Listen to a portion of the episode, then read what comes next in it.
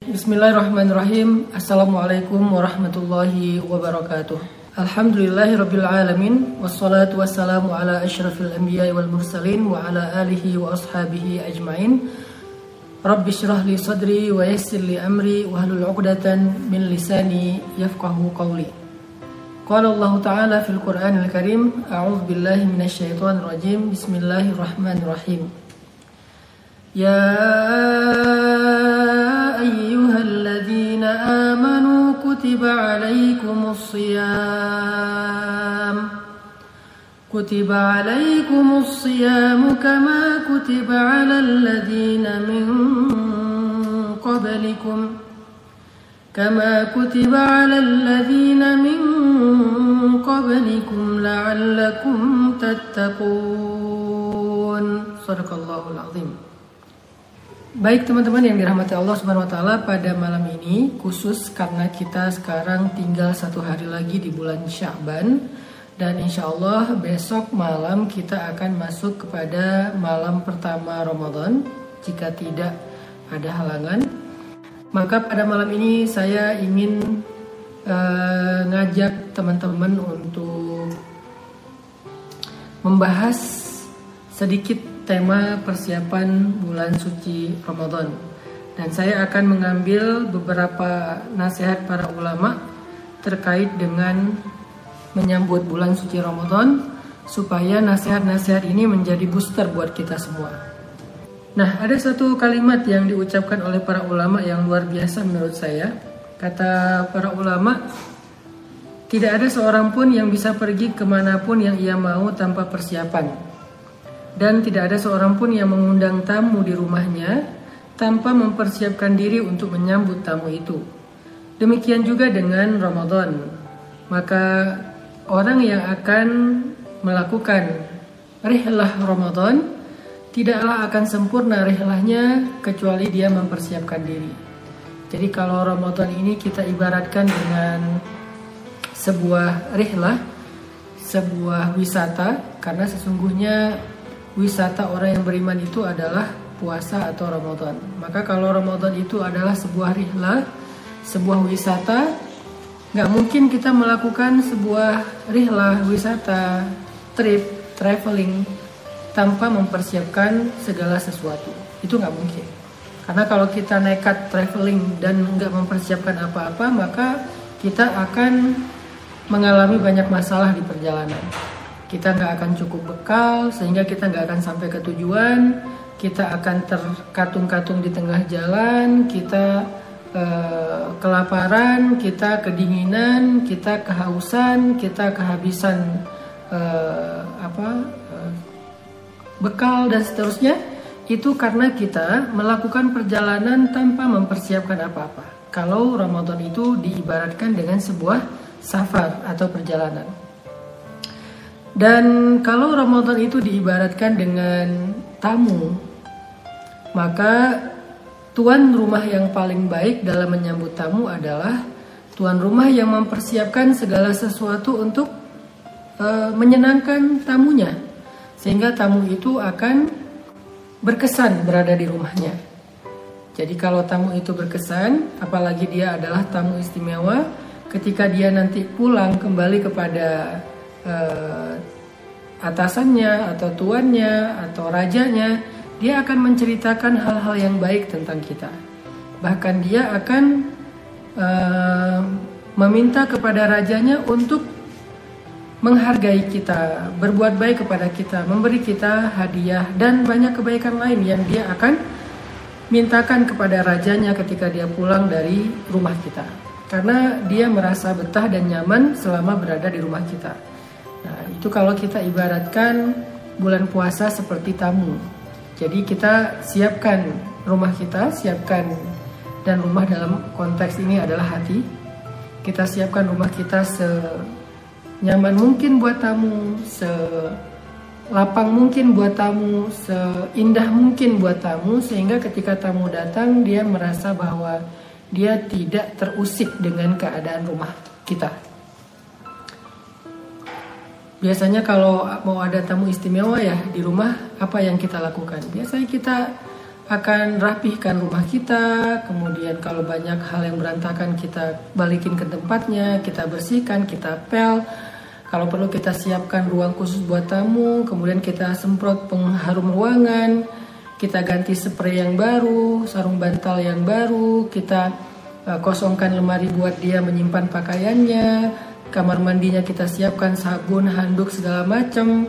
Kemudian mobil juga kita atau kendaraan juga kita cuci agar kita bisa menemani dia keliling di tempat kita misalnya atau kita siapkan makanan terbaik, snack terbaik, buah terbaik, minuman terbaik agar ketika tamu datang ke rumah kita, tamu itu langsung berkesan, nyaman dan uh, mau kembali lagi ke rumah kita di kesempatan yang lain. Nah, kira-kira kalau kita ibaratkan itu kepada Ramadan, maka rumahnya apa? Rumahnya kata ulama adalah hati kita. Jadi orang yang paling baik dalam menyambut Ramadan adalah orang yang mempersiapkan rumah yang baik yaitu hatinya. Mempersiapkan hati yang lapang, hati yang nyaman, hati yang bersih, nggak ada sampahnya, nggak ada penyakitnya, gak ada kotorannya, senyaman mungkin buat tamu Ramadan yang istimewa. Sehingga dengan demikian kita berharap Ramadan itu akan nyaman berada di hati kita. Dan kalau Ramadan nyaman di hati kita, itu artinya segala kebaikan-kebaikan yang ada pada Ramadan itu akan bisa kita maksimalkan. Baik puasanya, tarawihnya, dan amal-amal lain yang sangat istimewa pada akhir Ramadan nanti sebelum dia kembali kepada rajanya, tuannya, Ramadan itu akan memberikan kita hadiah istimewa sebagai ucapan terima kasih dari dia. Dia akan berikan kita hadiah istimewa seperti seorang tamu yang merasa nyaman selama satu bulan berada di rumah kita. Dia merasa senang, dia merasa puas, dia merasa uh, apa ya? Sangat leluasa berada di rumah kita berkesan, maka sebelum dia pulang dia pasti akan memberikan kita hadiah sebagai ucapan terima kasih. Maka begitu juga dengan Ramadan, sebelum dia pulang pasti dia akan memberikan kita hadiah sebagai ucapan terima kasih. Apa hadiah terbaik dari Ramadan? Lailatul Qadar. Malam yang khairum min alfi syahr. Malam yang lebih baik daripada seribu bulan. Itulah hadiah atau oleh-oleh terbaik yang diberikan oleh Ramadan ketika dia kembali kepada tuannya.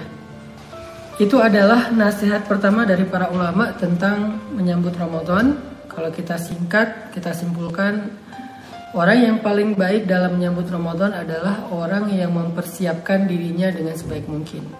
Ulama memberikan ilustrasi ya tentang Ramadan ini dengan dua ilustrasi, dengan dua permisalan.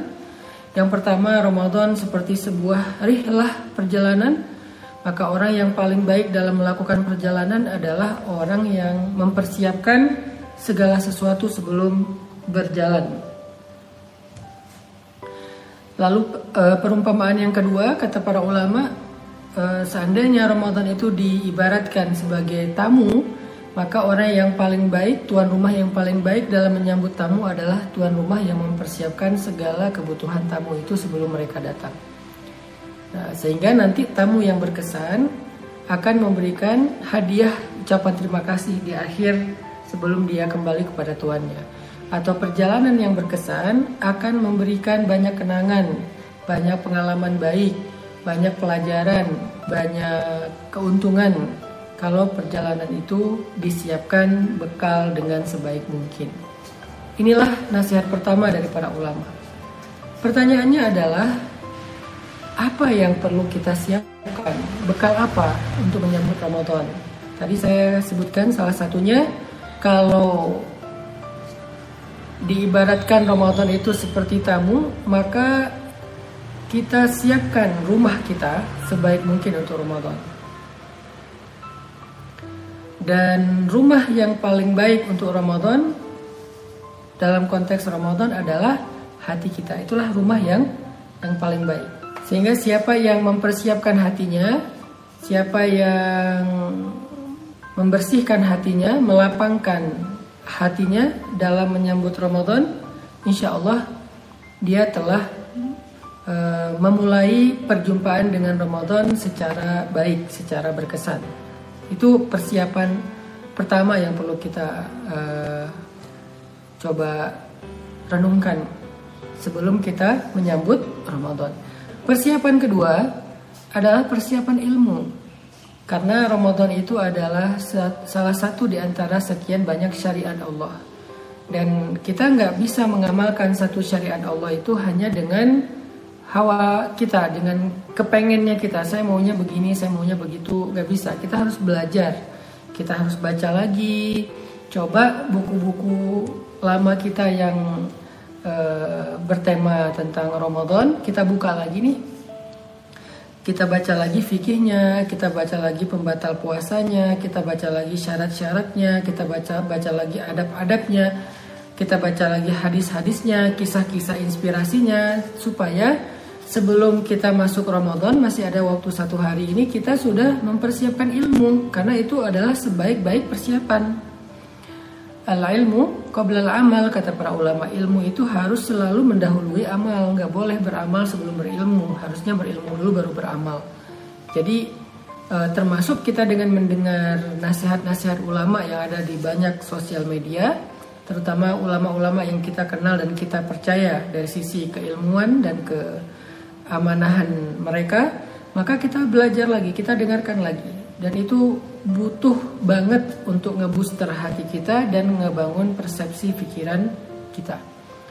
Ngebooster hati dan pikiran. Hati itu butuh di booster supaya semangat pikiran itu butuh di booster supaya paham supaya nggak bingung supaya nggak uh, galau. Makanya persiapan yang paling baik setelah mempersiapkan hati adalah mempersiapkan pikiran yaitu dengan ilmu. Baca ikro baca lagi dengarkan lagi simak lagi perhatikan lagi tentang bab Ramadan. Bahkan kalau misalnya kita serius mempersiapkan diri terhadap uh, Ramadan dalam menyambut Ramadan maka kita akan semakin ngerasa Ramadan itu istimewa tapi kalau kita nggak mempersiapkan diri terhadap Ramadan, kita kayak biasa-biasa aja, tiba-tiba udah malam pertama Ramadan, kita jadi nggak ngerasa apa-apa nggak ada yang beda gitu. Jadi akhirnya kita ngerasa Ramadan itu nggak terlalu istimewa karena nggak terlalu istimewa amalan kita pun tidak akan istimewa. Jadi mempersiapkan Ramadan itu nasihat-nasihat di akhir Syaban itu bukan sekedar uh, apa ya basa-basi. Tetapi itu dalam rangka untuk mengkondisikan suasana hati perasaan dan pikiran kita bahwa eh sebentar lagi kita mau ketemu dengan Ramadan. Eh sebentar lagi kita mau mau mau memasuki bulan uh, Ramadan. Jadi benar-benar kita siapin dengan serius. Baca dengarkan perhatikan. Itu adalah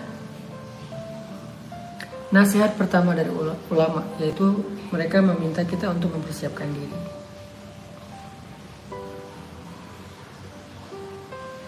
yang kedua nasihat dari para ulama yang bagus adalah Eh, mereka bercerita dulu orang-orang soleh sebelum kita mereka berdoa selama enam bulan agar dipertemukan dengan bulan suci Ramadan.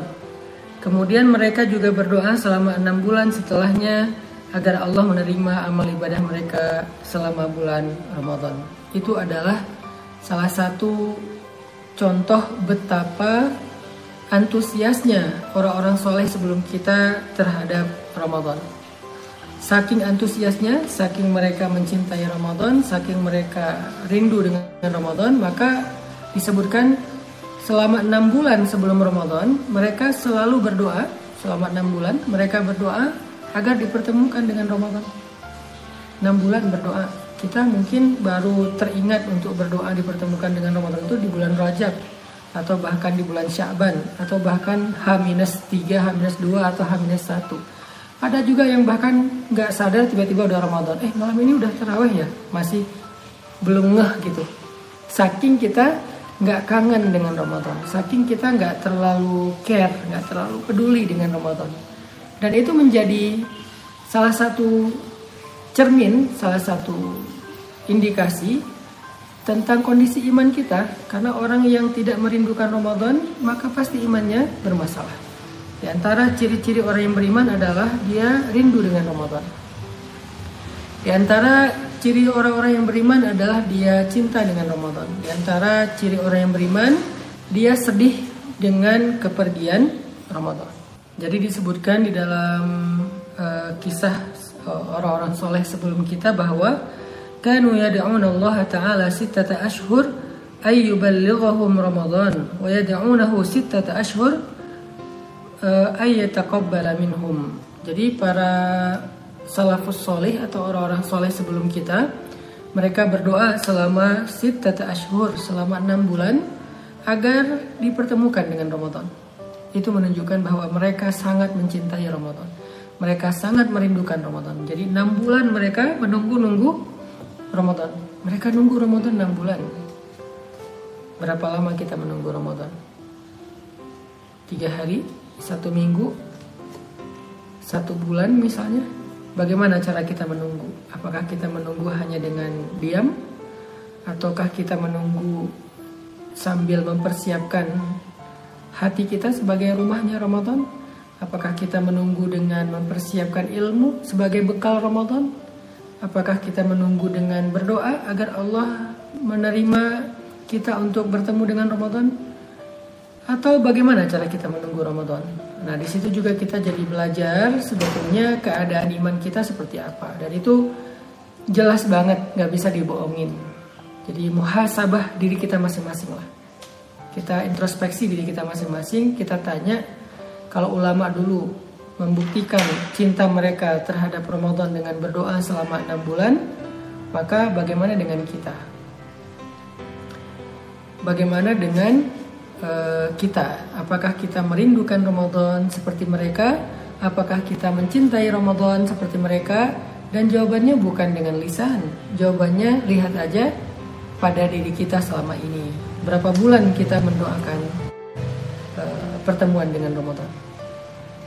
Allahumma balighna Ramadan. Allahumma balighna Ramadan ya Allah pertemukan kami dengan Ramadan. Kapan kita doa itu? Oh seminggu yang lalu Ustaz. Oke. Okay. Nggak terlalu telat juga. Oh baru malam ini Ustaz. Nggak apa-apa. Belum belum telat juga. Tapi ada juga orang yang bahkan nggak berdoa itu tiba-tiba udah masuk Ramadan. Itu menunjukkan bahwa dia nggak rindu dengan Ramadan. Kalau dia nggak rindu dengan Ramadan, maka dipertanyakan kebaikan di dalam hati atau imannya. Itu. Kemudian Allah sittata ashhur min ba'di ay yataqabbala minhum. Setelah Ramadan orang-orang soleh sebelum kita juga masih tetap berdoa kepada Allah agar Allah menerima ibadah mereka selama Ramadan kemarin. Jadi satu tahun full mereka berdoa tentang Ramadan. Satu tahun mereka berdoa tentang Ramadan. Enam bulan sebelumnya mereka berdoa agar dipertemukan dengan Ramadan. Masuk bulan Ramadan sampai enam bulan setelahnya, sampai enam bulan kemudian mereka berdoa agar Allah menerima amal-amal mereka selama Ramadan. Kenapa? Kok sebegitu antusiasnya para ulama tentang Ramadan? Saking mereka sadar dan paham betapa Ramadan ini waktu yang sangat istimewa. Kalau nggak paham nggak akan kayak gini. Kalau nggak paham nggak akan se seantusias ini. Kalau nggak paham betapa Ramadan itu sesuatu yang sangat istimewa, mereka nggak akan habiskan waktu satu tahun berdoa tentang Ramadan. Apa yang paling sering kita doakan dalam doa-doa kita? Yang paling sering kita minta apa? Meminta jodoh? Berarti itulah hal yang paling penting bagi kita. Yang paling sering, arti yang paling sering dalam waktu yang lama, jodoh? Berarti itulah yang paling penting bagi kita. Gak salah sih tapi di situ kita jadi tahu diri. Siapa kita sebetulnya? Apakah masalah harta pekerjaan? Berarti itulah yang paling penting bagi kita. Apakah masalah keluarga? Berarti itulah yang paling penting bagi kita. Sedangkan orang-orang soleh sebelum kita yang paling sering mereka doakan di dalam doa-doa mereka sepanjang tahun adalah tentang Ramadan. Ini menunjukkan betapa mereka mencintai Ramadan. Ini menunjukkan betapa mereka menganggap Ramadan adalah yang paling penting, yang paling istimewa dalam hidup mereka. Dan malam ini kita masih bisa berdoa dengan doa seperti itu. Allahumma barik lana fi Rajab wa Sya'ban wa ballighna Ramadan. Allahumma ballighna Ramadan. Ya Allah pertemukan kami dengan Ramadan. Ini adalah uh, nasihat kedua. Jadi berdoa kepada Allah agar dipertemukan dengan Ramadan dan merasa rindu kepada Ramadan, merasa cinta kepada Ramadan dan itu nggak bisa dibuat-buat. Gimana biar muncul rasa cinta dan rindu terhadap Ramadan? Gak ada jalan lain kecuali kita belajar untuk mengenal Ramadan lebih dekat. Karena bagaimana muncul rasa cinta kalau kita tidak tidak kenal. Kan ada istilah tak kenal maka tak cinta.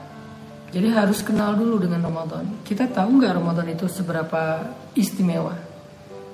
Kalau ibarat seorang perempuan, seberapa cantik dia, seberapa menawan dia, seberapa baik dia. Kalau ibarat laki-laki, seberapa baik, seberapa bertanggung jawab, seberapa mampu dia. Kenal nggak kita? Karena kalau nggak kenal nggak akan ada rasa. Jadi kita belajar untuk lebih mengenal Ramadan. Apa yang harus kita tahu tentang Ramadan? Keutamaannya, fadilahnya. Ramadan itu apa aja? Ramadan itu kelebihannya apa aja? Sehingga ketika kita tahu kelebihan Ramadan 1, 2, 3 dan seterusnya, semakin muncul rasa kita untuk menghargainya, menganggapnya istimewa sampai muncul, muncul rasa cinta, rindu dan seterusnya.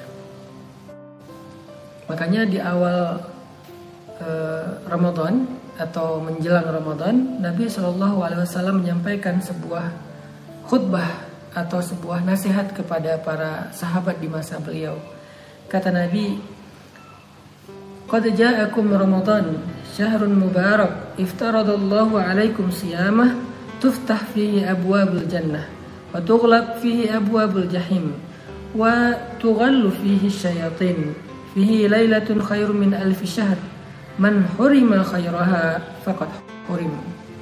Kata Nabi, telah datang kepada kalian Ramadan bulan yang penuh dengan kebaikan, bulan yang penuh dengan kebaikan. Syahrul Mubarak kata Nabi. Kalau Nabi bilang Mubarak, maka benar-benar Mubarak. Mubarak itu artinya berkah, arti berkah itu ziyadatul khair. Kebaikannya itu bukan berkurang, bukan sama, tapi nambah terus. Itu arti berkah. Definisi berkah dalam Islam itu ziyadatul khair, bertambah kebaikan itu arti berkah. Makanya ketika kita bilang semoga berkah, artinya semoga bertambah kebaikannya. Maka ketika ada hari yang disebut dengan Yaumun Mubarak, hari yang berkah atau Syahrul Mubarak, bulan yang berkah, berarti bulan itu, hari itu, waktu itu adalah waktu yang kebaikannya bertambah jadi hari Ramadan itu setiap hari bertambah kebaikan. Hari pertama ada kebaikan, hari kedua lebih banyak lagi, hari ketiga lebih banyak lagi, hari keempat lebih banyak lagi. Sampai 10 hari terakhir berlimpah kebaikan. Itulah yang disebut dengan Syahrul Mubarak. Artinya bulan yang kebaikannya bertambah setiap hari. Sehingga kalau misalnya kita merenungkan ini saja, gak bisa hanya kita baca, kita harus renungkan, kita tafakuri.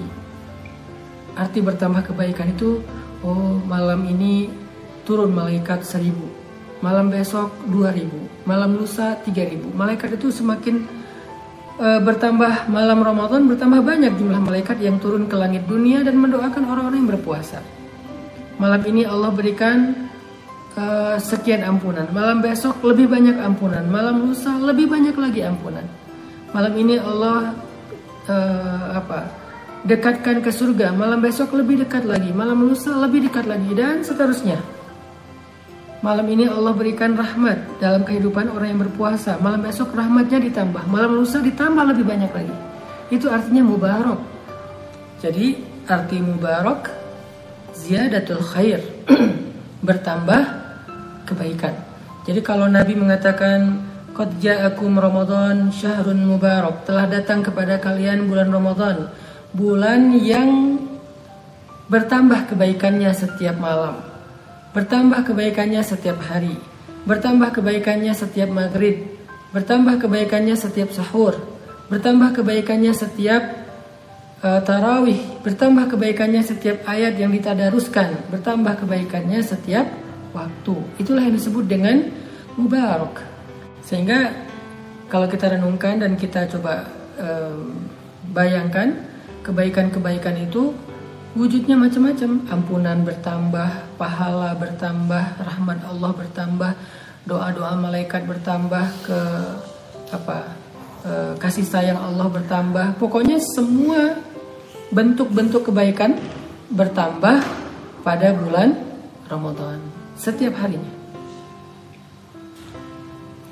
Kemudian Nabi mengatakan iftaradallahu alaikum siyamah tuftah fi abwabil jannah. Allah mewajibkan kepada kalian pada bulan itu untuk berpuasa.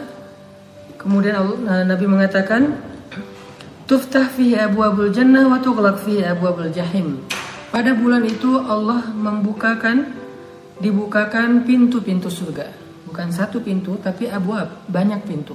Tuftah fihi abwabul jannah. Dibukakan banyak pintu surga.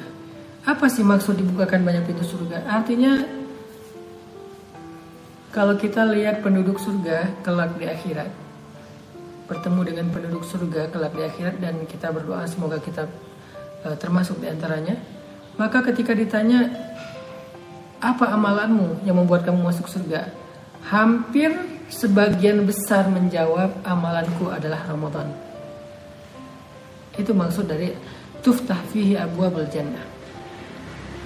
Rata-rata menjawab, kenapa kamu masuk surga? Kan di dalam uh, surat At-Tur kalau nggak salah itu uh, diceritakan tentang pertemuan ahlus, ahlus surga ya. Para ahli surga itu mereka saling menyapa ya tasaalun mereka saling bertanya e, bagaimana kamu bisa masuk surga? Apa amalanmu bisa masuk surga? Mereka saling bertanya tapi pembicaraan mereka semuanya baik-baik. Tidak ada membicarakan orang lain apalagi ngomongin apa aib orang di dalam surga itu nggak ada semuanya yang baik-baik maka ya tasaalun e, mereka saling bertanya apa yang membuat kamu masuk surga hampir semuanya mengatakan Ramadan. Itu maksud dari tuftah fi abwabul jannah. Artinya pada bulan Ramadan itu peluang masuk surga itu besar sekali. Pada bulan Ramadan itu kesempatan masuk surga itu besar sekali. Jadi siapa yang kehilangan Ramadan dan tidak mendapatkan peluang surga akan lebih sulit bagi dia untuk mendapatkannya di bulan yang lain. Saya ulangi, siapa yang kehilangan Ramadan dan tidak mendapatkan tiket ke surga, kesempatan ke surga, kebaikan dan peluang ke surga, maka akan lebih sulit baginya untuk mendapatkan di bulan yang lain. Rugi banget. Tuftah fihi abwabul jannah. Dibukakan di dalam bulan itu pintu-pintu surga. Jadi kesempatan masuk surga itu kita lagi dapetin nih bulan Ramadan. Kalau di bulan lain untuk dapetin kesempatan masuk surga karena masuk surga itu bukan perkara yang mudah dan bukan perkara yang murah, mahal loh. Ala silatallahi al-ghaliyah. Ala silatallahi ghaliyah, ala silatallahi hiyal jannah. Kata Nabi, bukankah harta berharga milik Allah itu sangat mahal bukankah harta yang berharga milik Allah itu adalah surga?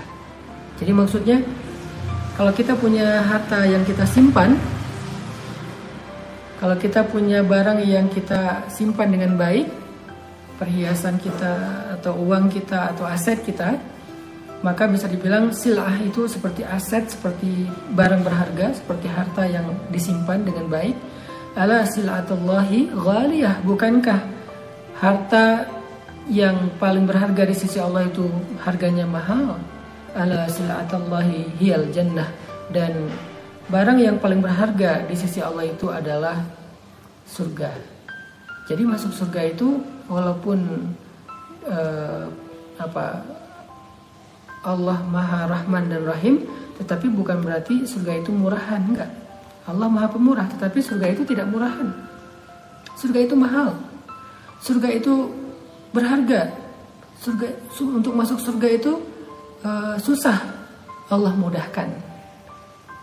Kalau mau pakai cara normal, masuk surga itu susah. Bisa dibilang hampir nggak ada satupun dari kita yang saat ini sedang ikut tali mungkin yang layak masuk surga. Ilahi las tulil firdausi ahla. Gak ada satupun dari kita yang layak masuk surga. Semua kita layaknya masuk neraka, tapi Allah mudahkan. Salah satu kemudahan yang Allah berikan agar kita bisa masuk surga itu yang tidak diberikan di waktu atau kesempatan yang lain adalah Ramadan. Ramadan.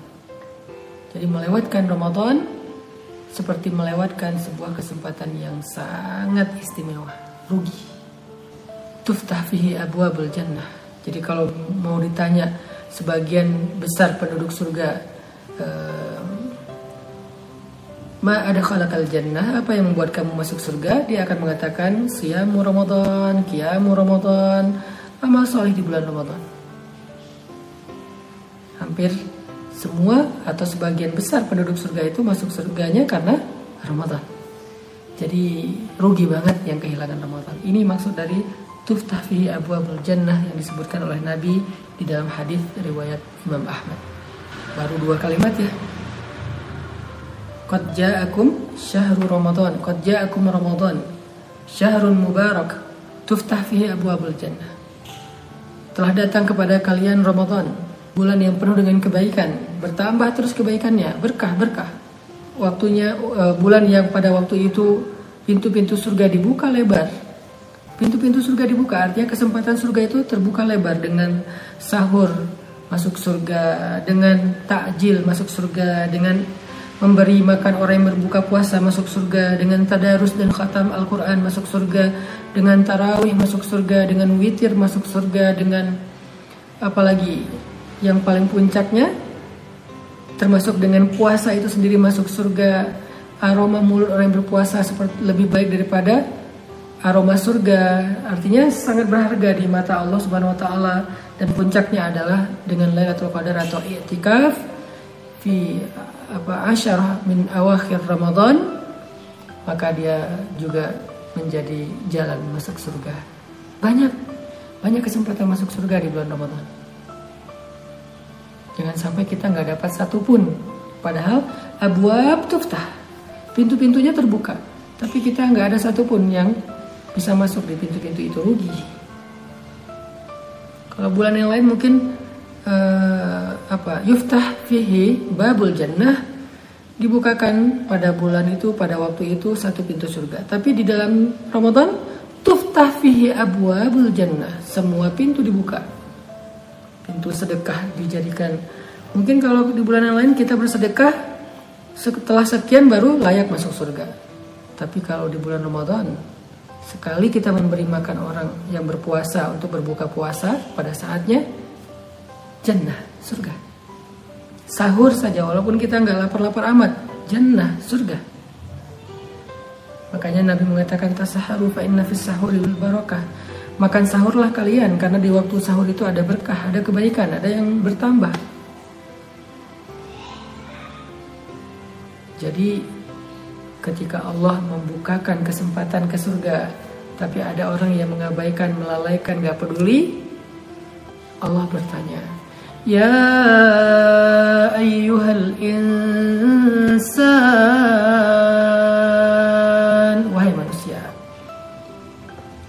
bukain nih pintu-pintu surga. Allah udah berikan nih waktu yang berkah penuh dengan kebaikan. Tapi masih diabaikan, masih dicuekin, nggak peduli, nggak ngerasa penting Kita malah lebih sibuk dengan urusan yang lain daripada urusan Ramadan. Maka Allah bertanya kalau kita tuh kayak terheran-heran gitu kok bisa gitu? Maka Allah bertanya ya ayyuhal insan wahai manusia ayyuhal insan ma gharraka bi rabbikal karim. Wahai manusia apa yang membuat kamu lalai dari Robmu yang maha baik? Kok masih lalai dari kasih pintu-pintu surga? Nanti nanti di waktu dia uh, di akhirat nggak masuk surga dia bilang ya Allah kok engkau tidak adil kepada saya. Ya Allah kenapa saya nggak bisa masuk surga? Ya Allah ya Allah ya Allah dia menyalahkan Allah. Padahal Allah udah membukakan abwab banyak pintu di bulan Ramadan. Nggak lama ayaman ma'dudat cuma beberapa hari doang. Bukan syuhur bukan sinin bukan bulan yang banyak bukan waktu tahun-tahun yang banyak. Cuman ayam cuman beberapa hari. Allah nggak mengatakan syuhurun ma'dudah beberapa bulan? Nggak. Sinin nggak. Beberapa tahun? Ayam. Hanya beberapa hari saja. Itu pun bukan 24 jam. Siang saja berpuasa. Yang lain kita bisa beribadah tanpa harus merasa lapar merasa haus. Jadi udah dimudahkan sama Allah jalan ke surga udah dimudahkan jalan sama Allah untuk dapat ampunan, udah dimudahkan oleh Allah untuk mendapatkan rahmat, masih enggan juga, masih mengabaikan juga, masih cuek juga, masih nggak peduli juga. Allah nanya, "Ma gharraka bi rabbikal karim?" Apa yang membuat kamu lalai dari Tuhanmu yang maha baik? Tuftah fihi abu abul jannah. Dibukakan pada waktu itu pintu-pintu surga. Artinya kesempatan masuk surga di bulan Ramadan itu luar biasa besar. Yang tidak ada di bulan yang lain. Amalan kecil yang kita nggak sadar ternyata uh, babun min abu abul jannah menjadi salah satu di antara pintu-pintu surga. Amalan terkecil yang kita nggak sadar. Kemudian waktu gelak fihi abu abul jahim dan ditutup, dikunci, bukan cuman uh, ditutup, dikunci Fihi abwabul jahim pada bulan itu pintu-pintu neraka. Apa maksudnya? Apa maksud pada bulan itu pintu neraka ditutup? Pintu-pintu neraka ditutup. Apa maksudnya? Maksudnya yang tadinya dia sudah berada di tepi jurang neraka, ada yang berada di tepi jurang neraka karena zina, ada yang berada di tepi jurang neraka karena durhaka kepada orang tua. Ada yang sudah berada di tepi jurang neraka karena riba. Ada yang sudah berada di tepi jurang neraka karena meninggalkan sholat. Ada yang berada, sudah berada di tepi jurang neraka karena zalim. Ada banyak dosa yang membuat kita berada tep, di tepi jurang neraka. Dan hampir saja tergelincir, terpeleset untuk masuk ke dalam jurang neraka itu. Atau bahkan sudah dicap, huwa min ahli nar, hadar rajul min ahli nar, fulan min ahli nar dia itu termasuk orang ahli neraka. Laki-laki ini ahli neraka, perempuan itu ahli neraka, fulan ahli neraka. Mungkin sudah dicap. Tetapi karena Ramadan, tughlaq. Allah tutup pintu neraka. Maksudnya, Allah selamatkan mereka dari api neraka walaupun kaki mereka sebelah sudah berada di dalam neraka. Dalam bahasa kiasannya. Walaupun sebelah kaki mereka sudah berada di dalam neraka, Allah selamatkan mereka. Allah uh, ajak mereka, Allah uh, tarik mereka dengan Ramadan. Walaupun sudah dicap nama mereka ditulis di pintu neraka, Allah tutup pintunya, namanya dihapus, dia jadi min ahlil jannah. Itu maksudnya sangat banyak orang yang selamat dari api neraka karena Ramadan. Jadi nanti kalau ada orang yang dikeluarkan dari api neraka di akhirat, lalu ditanya, Ma akhrajaka minan nar? Apa yang membuat kamu keluar dari api neraka? Amalan apa yang kamu punya sehingga kamu yang tadinya udah di difonis ahli ahli neraka tiba-tiba selamat? Apa? Ma akhrajak? Apa yang membuat kamu selamat dari api neraka? Maka sebagian besar orang-orang yang selamat dari api neraka itu akan menjawab Ramadan. Yang menyelamatkan kami dari api neraka Ramadan dengan seizin Allah. Kami selamat karena Ramadan. Kami selamat karena keberkahan mubarak, syahrul mubarak, syahrul Quran. Masya Allah. Tughlaq fihi abwabul jahim. Jadi kalau mau cari waktu di mana ada kesempatan besar untuk selamat dari api neraka, Ramadan. Kalau mau cari waktu di mana ada kesempatan untuk masuk surga, Ramadan. Kalau mau cari waktu di mana setiap harinya bertambah kebaikan, Ramadan. Ramadan. Dan kemudian Nabi mengatakan juga, wa tughallu fihi syayatin dan diikat pada bulan itu syaitan-syaitan. Diikat pada bulan itu syaitan-syaitan. Apa maksud diikat syaitan pada bulan itu? Karena syaitan itu memiliki pasukan yang sangat banyak. Dan ada pasukan yang memang dia sangat spesial dalam menggoda manusia. Membuat manusia malas, membuat manusia durhaka dan segala macam lah. Maka pemimpin-pemimpin setan, setan-setan yang sering sekali mengusik manusia pada bulan itu diikat. Mereka nggak bisa keluar. Mereka dikurung di lautan.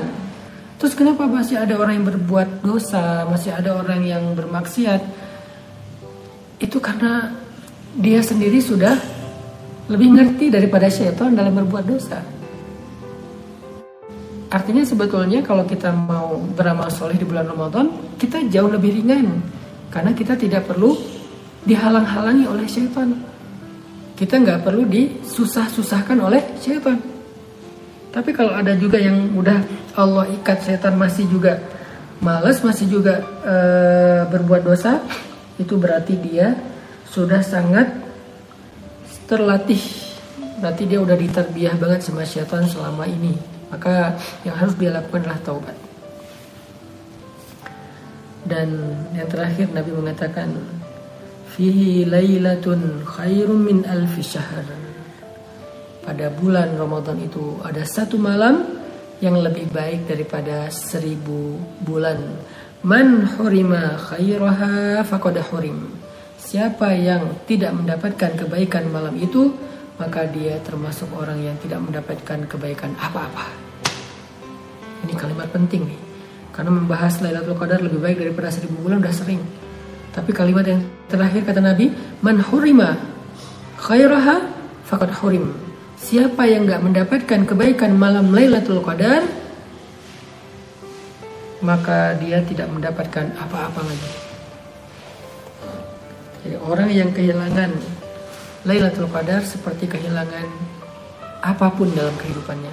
Dia nggak dapat apa-apa dalam hidup. Seperti itulah pentingnya Lailatul Qadar.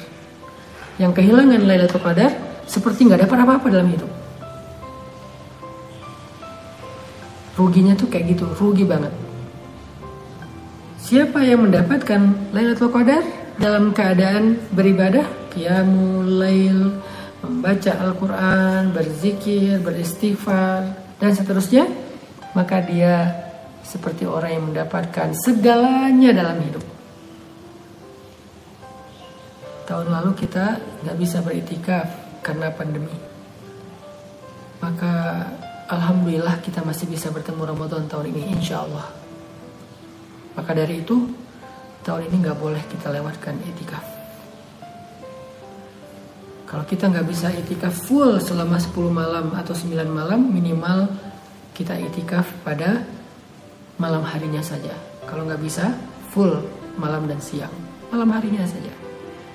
Kalau nggak bisa malam harinya setiap malam pun, malam ganjilnya minimal.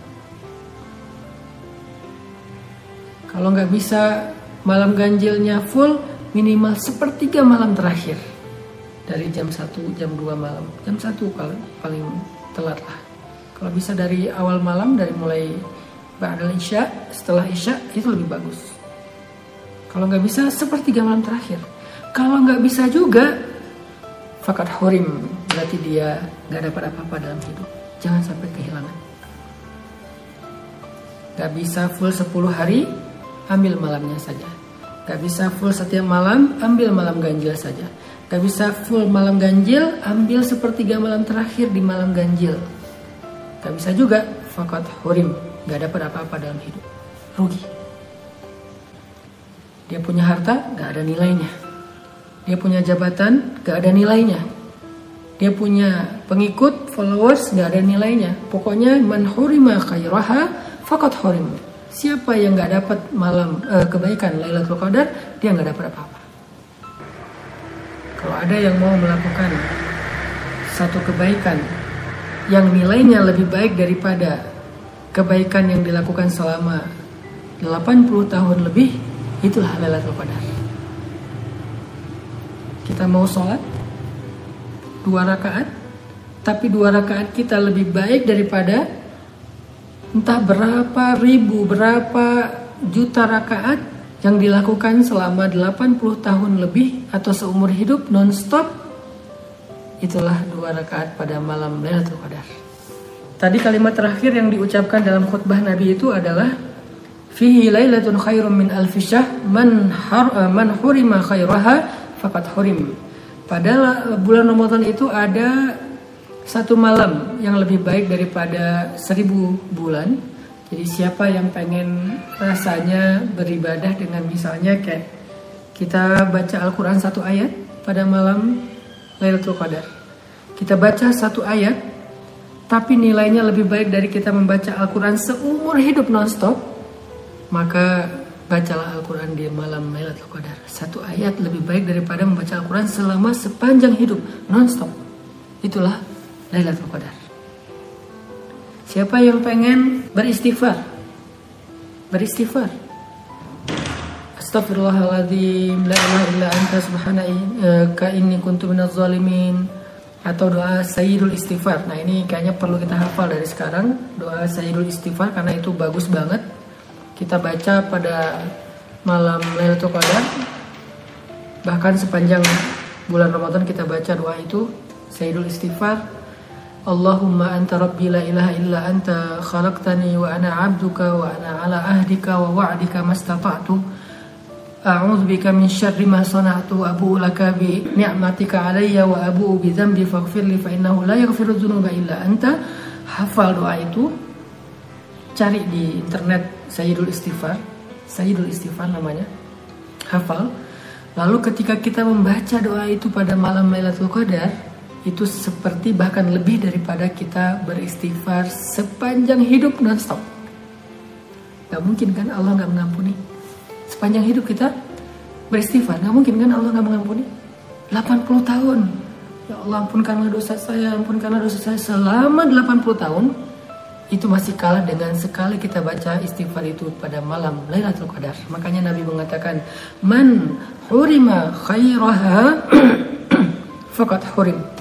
Siapa yang nggak mendapatkan kebaikan Lailatul Qadar, dia seperti nggak dapat kebaikan apa-apa dalam hidupnya. Tadi itulah hadis riwayat Imam Ahmad yang disampaikan Nabi dalam bentuk khutbah pada malam pertama Ramadan atau menjelang Ramadan supaya para sahabat ngerasain betapa istimewanya tamu yang mau datang ini. Supaya kita tahu betapa istimewanya tamu yang mau datang ini. Jadi kita nggak sia-siain. Kita nggak ngelewatin kesempatan ini dengan lalai, males, akhirnya nyesel. Mudah-mudahan beberapa nasihat yang tadi disampaikan ulama kepada kita ini menjadi booster, menjadi penyemangat agar kita bisa mendapatkan Ramadan tahun ini sebagai Ramadan terbaik dalam hidup kita.